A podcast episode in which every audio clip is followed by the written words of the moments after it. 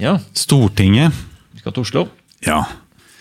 Eh, og, og det her er jo eh, en som har vært gjest her hos deg, han Henning Ekerol, som er skyld i å Han er jo skyldig i å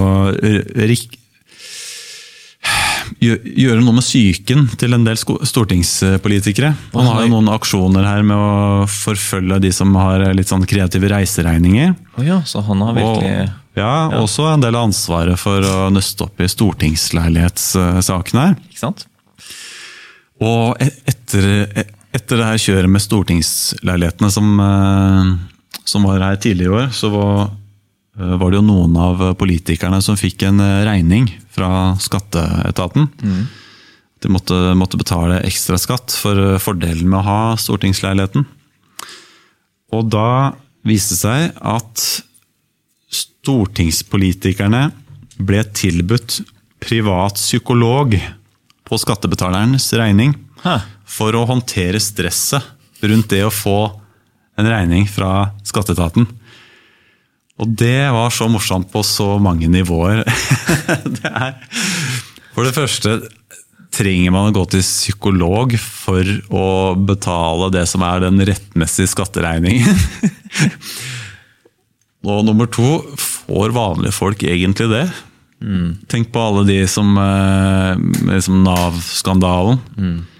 Fikk de egentlig tilbudt eh, psykologregning? Nei, psykologbistand? psykologbistand? Når de Det ble jo trua med rettssaker eh, sånn. Jeg tviler på at det var så veldig mange av de som ble tilbudt psykolog. Og nummer tre sånn, ja, Er ikke det offentlige helsesystemet bra nok, da? Skal du komme til en sånn privat psykolog, komme deg rundt systemet, og det da gjøres av stortingspolitikere? Altså, det var en sånn herlig sak på så mange måter. Eh, nå må det jo sies det at til slutt så, så ble det så mye press fra media på det her at det, det ble avlyst. Eh, administrasjonen i Stortinget fant ut at de kunne bare ikke tilby det her, for det ble for dumt. Eh, de, måtte, de måtte ta hånd om psyken sin sjøl. Det ble rett og slett et omdømmeproblem. Ja, og det, det var omdømme det var omdømme det handla om. Eh, hvis, ikke han, eh, hvis ikke Aftenposten og Henning og co. hadde funnet ut av det her, så hadde det da hadde de fylt opp eh, psykologkontorene rundt, rundt på Frogner. Det burde nesten vært dokumentert. Det er bare sånn for liksom bare inter interessant å høre hva, hvordan man tenker og snakker rundt liksom, stresset med å måtte betale eh, en skatteregning man egentlig har sneket seg unna. Ja. Sånn der, hvordan, hvordan, ut, hvordan utløper en sånn eh, en samtale seg? Jeg ville veldig gjerne sett den samtalen, men jeg tror ikke det var så veldig lett å få noen til å stille opp for å forsvare det. Jeg er så stressa for tida. den der stress- Det er så mye press på meg. Skatteregningen, faen, altså. Stortingspolitiker har nok å tenke på, liksom. Ja. Nei, jeg har, ikke, jeg har ikke helt sett det fra de der fiske, fiskemilliardærene. Jeg hadde flyttet heller til Sveits. Kanskje det har noen Ja. psykolog i Sveits, men Psykologen var sånn Kanskje du skal bare betale den regninga, så bare ser vi hvordan det går? vi skal møtes etterpå? Ja, ja, jeg vet ikke. Jeg må vente litt med det. Kjenne litt på det først. ja. Ok, men det var fin en. Ja. Punkt nummer 11. Du, Henning kommer jo her snart eh, på besøk igjen. Så det blir, eh, det blir mye juice, regner jeg med. ja. Han er jo en old school-gjest på Wolfgang Mjørkøt. Han var en av de første på første året, tror jeg. ja. Eh, Ganske tidlig ute.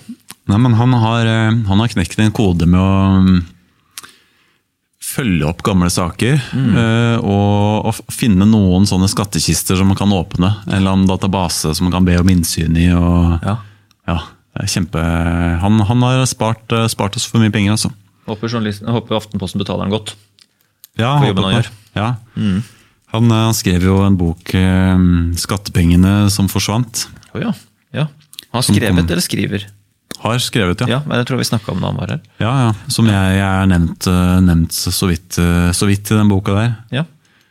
Jeg tror det var den eh, til tider morsomme Facebook-siden Sløseriombudsmann. så jeg fikk, jeg fikk en sånn kopi av boka som jeg omtalte på Facebook for, for noen år siden. Så, men eh, noen burde jo skrive, skrive et bind to av den.